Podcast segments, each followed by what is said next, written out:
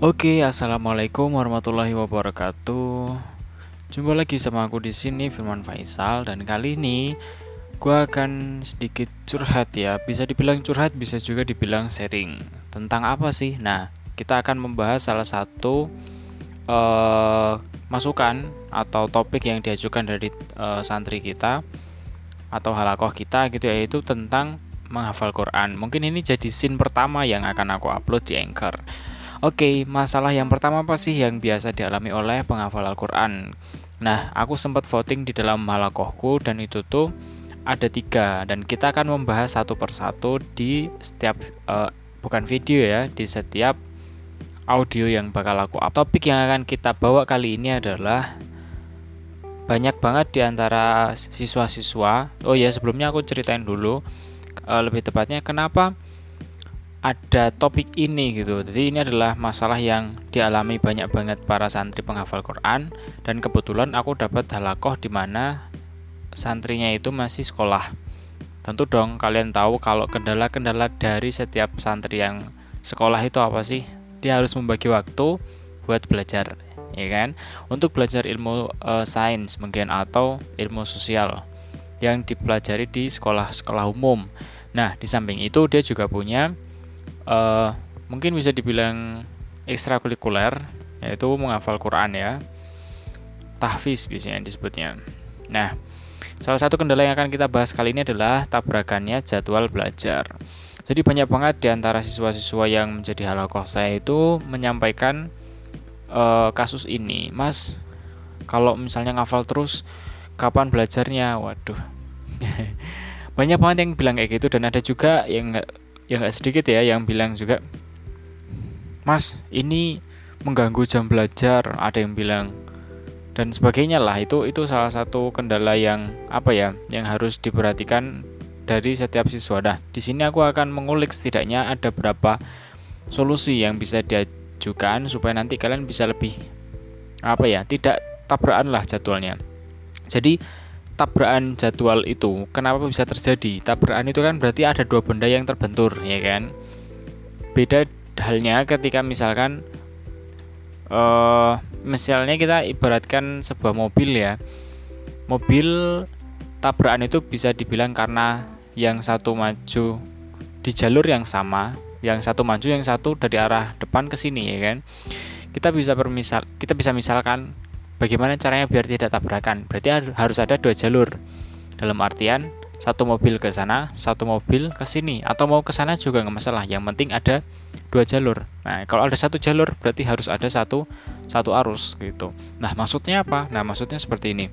Ketika teman-teman e, menghafal Quran, itu adalah menurut saya itu adalah ilmu yang pertama kali harus antum dapat, yang harus pertama kali kenyang harus pertama kali dimasukkan sebelum ilmu-ilmu yang lain.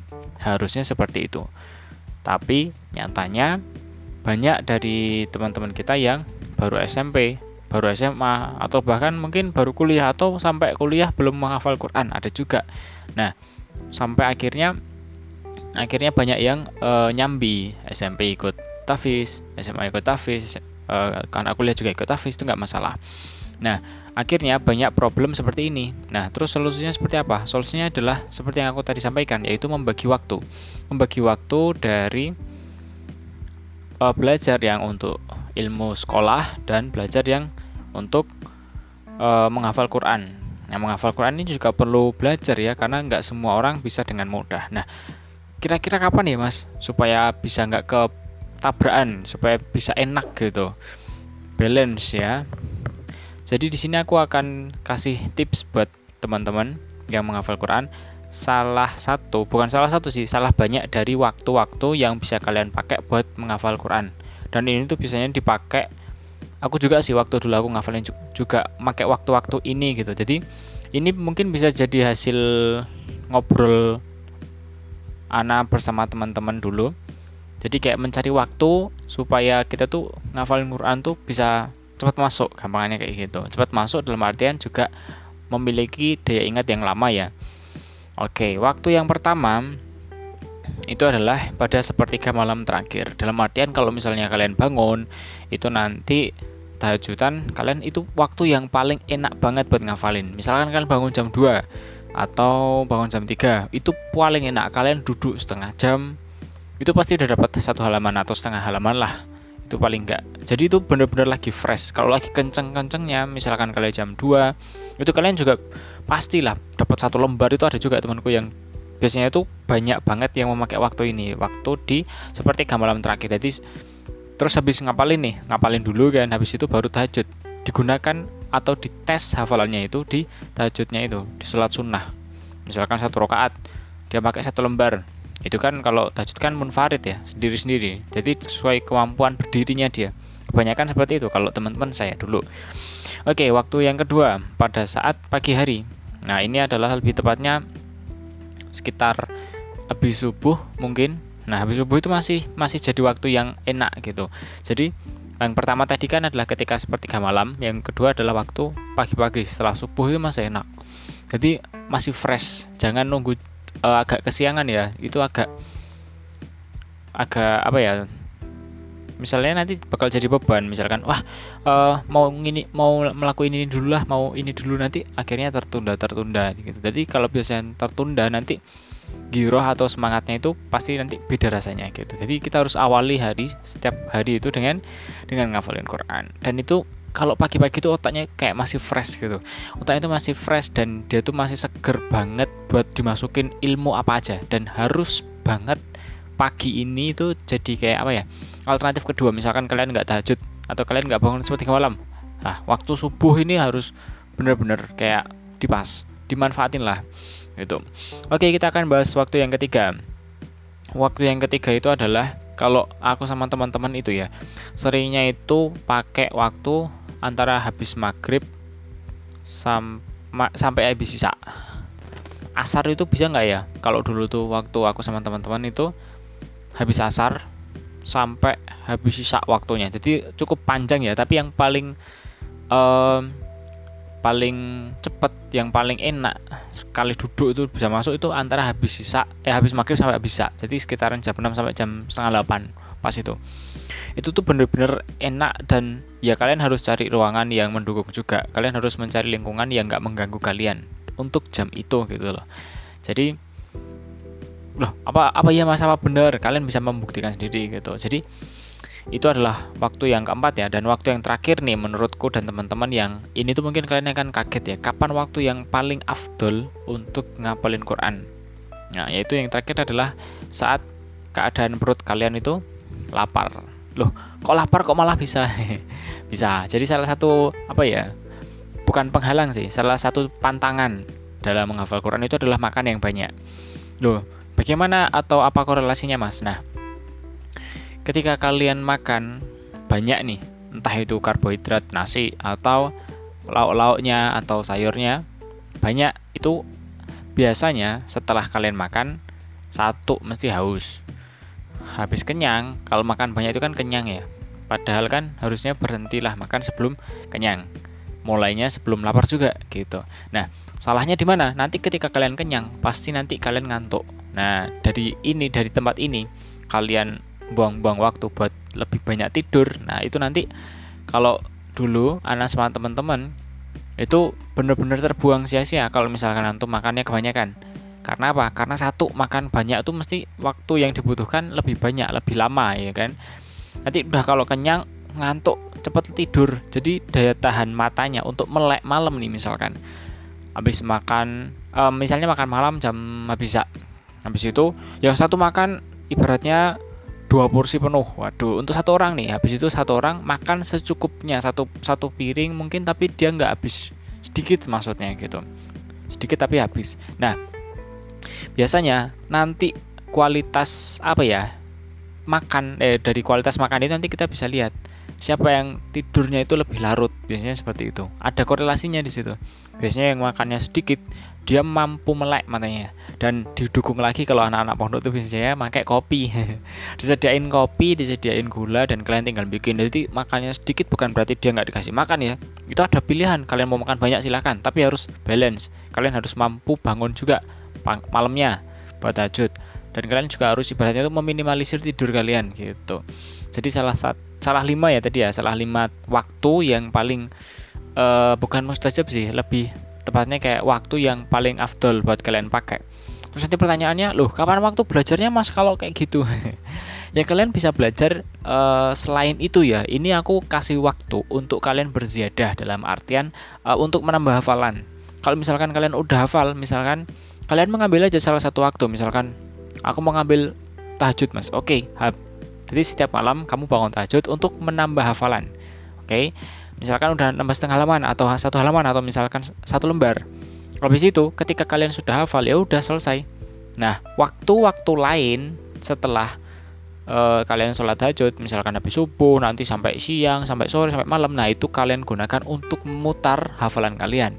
Kalian bisa dibantu morotal nah itu kan atau kalian bisa dibantu kayak musik Quran Cube itu eh, eh kok musik sih? Uh, Quran Cube yang kotak itu yang kayak morotal kotak itu itu juga bisa. Pakai YouTube di setel juga bisa pakai rekaman mungkin kalian juga bisa. Jadi sambil didengarkan selama habis waktu kalian menghafal. Jadi tinggal murojaah murojaah yang kalian sudah hafal nanti tinggal distorkan gitu. Jadi gampangnya seperti itu. Jadi nggak harus dari kelima waktu tadi digunakan untuk berjadah semuanya. Wah, jangan. Kalau bisa malah gunakan satu waktu untuk berjadah, sisanya gunakan untuk murojaah. Karena apa? Karena menambah hafalan itu mudah. Sangat mudah kalau aku bisa bilang. Kalian duduk setengah jam, kalian pasti sudah dapat satu halaman satu jam wah bisa dapat berapa lembar kalian udah ya nah tapi masalahnya setelah kalian menghafal apakah daya tahan uh, itu lama di otak kalian misalkan ada yang nanti mungkin uh, apa ya episode setelah ini kita akan membahas uh, macam-macam menghafal Quran ya tapi next nah kali ini kita membahas itu aja sih. Jadi itu aja tips dari aku buat kalian yang ada alasannya tabrakan jadwal belajar. Jadi kalian bisa menggunakan waktu itu. Itu salah satu ya salah satu contohnya tadi seperti itu. Kalian gunakan waktu uh, sholat malam untuk berziyadah. Habis itu waktu-waktu lain untuk merojaah. Merojaah itu kalian nggak harus buka Quran. Kalian mendengarkan saja orang ngaji dalam artian ngaji yang kalian hafalkan itu udah termasuk merojaah. Kalian muter YouTube kan biasanya kan anak-anak itu sering YouTubean ya. Buka aja YouTube uh, ustadz siapa yang kalian suka atau syekh siapa putar aja.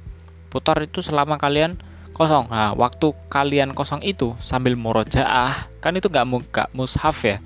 Kalian bisa buka belajar buka belajar. Maksudnya buka buku buka buku sains misalkan IPA atau IPS atau matematik atau bahasa Indonesia bahasa Inggris atau apalah terserah kalian nah jadi telinganya mendengarkan matanya membaca soal otaknya memahami soal dan tangannya mengerjakan. Tapi telinga kalian fungsinya masih mendengarkan morotal. Itu menurutku cukup afdol sih. Cukup mustajab. Waktunya tuh cukup enak kalau tahajud tuh. Jadi kalian bangun jam 2, kalian bangun jam 3, ada yang setengah 2 juga mungkin itu paling enak. Kenapa? Karena satu sepi, dua suasananya mendukung banget, ketiga emang waktunya tuh kayak pas gitu. Oke, itu aja sih tips dari aku buat kalian yang ada kesusahan dalam membagi waktu jadi penghafal Quran ini tuh emang berat pantangannya banyak banget dan kudanya banyak banget karena hafalan penghafal Quran itu uh, kalau aku aku dulu pernah dengar dari ustadku penghafal Quran itu adalah bagian dari keluarganya Allah.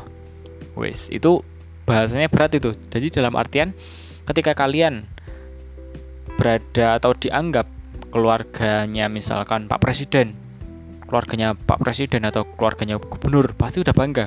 Nah ini apalagi ini gitu kan. Kalian dianggap sebagai keluarganya Allah. Lebih tinggi lagi derajatnya jauh lebih tinggi.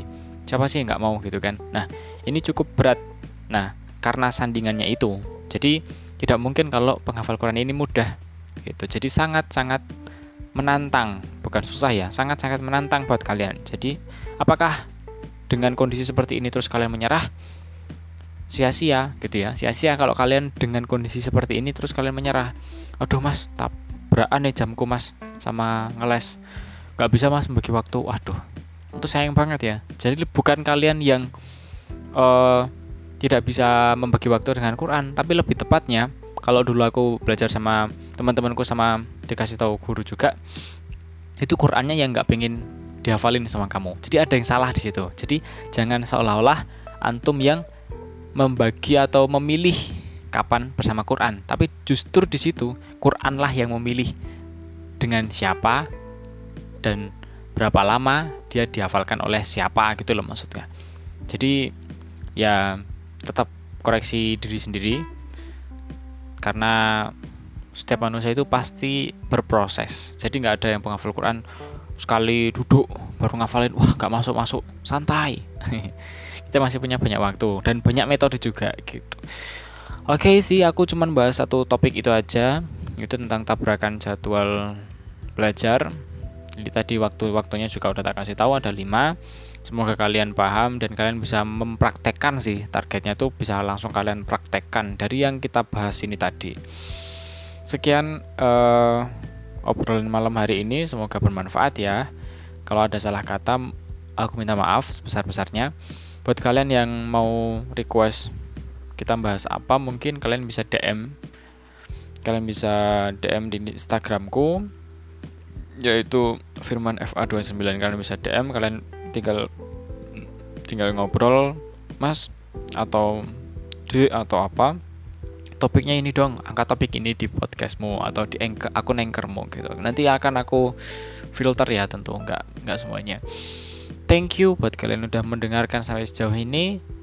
Semoga bermanfaat. Ini adalah scenes pertama ya atau episode pertama. Nanti bakal ada episode kedua karena kendala-kendalanya sih akan dan pasti berbeda dari setiap generasi dan setiap harinya thank you dan wassalamualaikum warahmatullahi wabarakatuh. Bye bye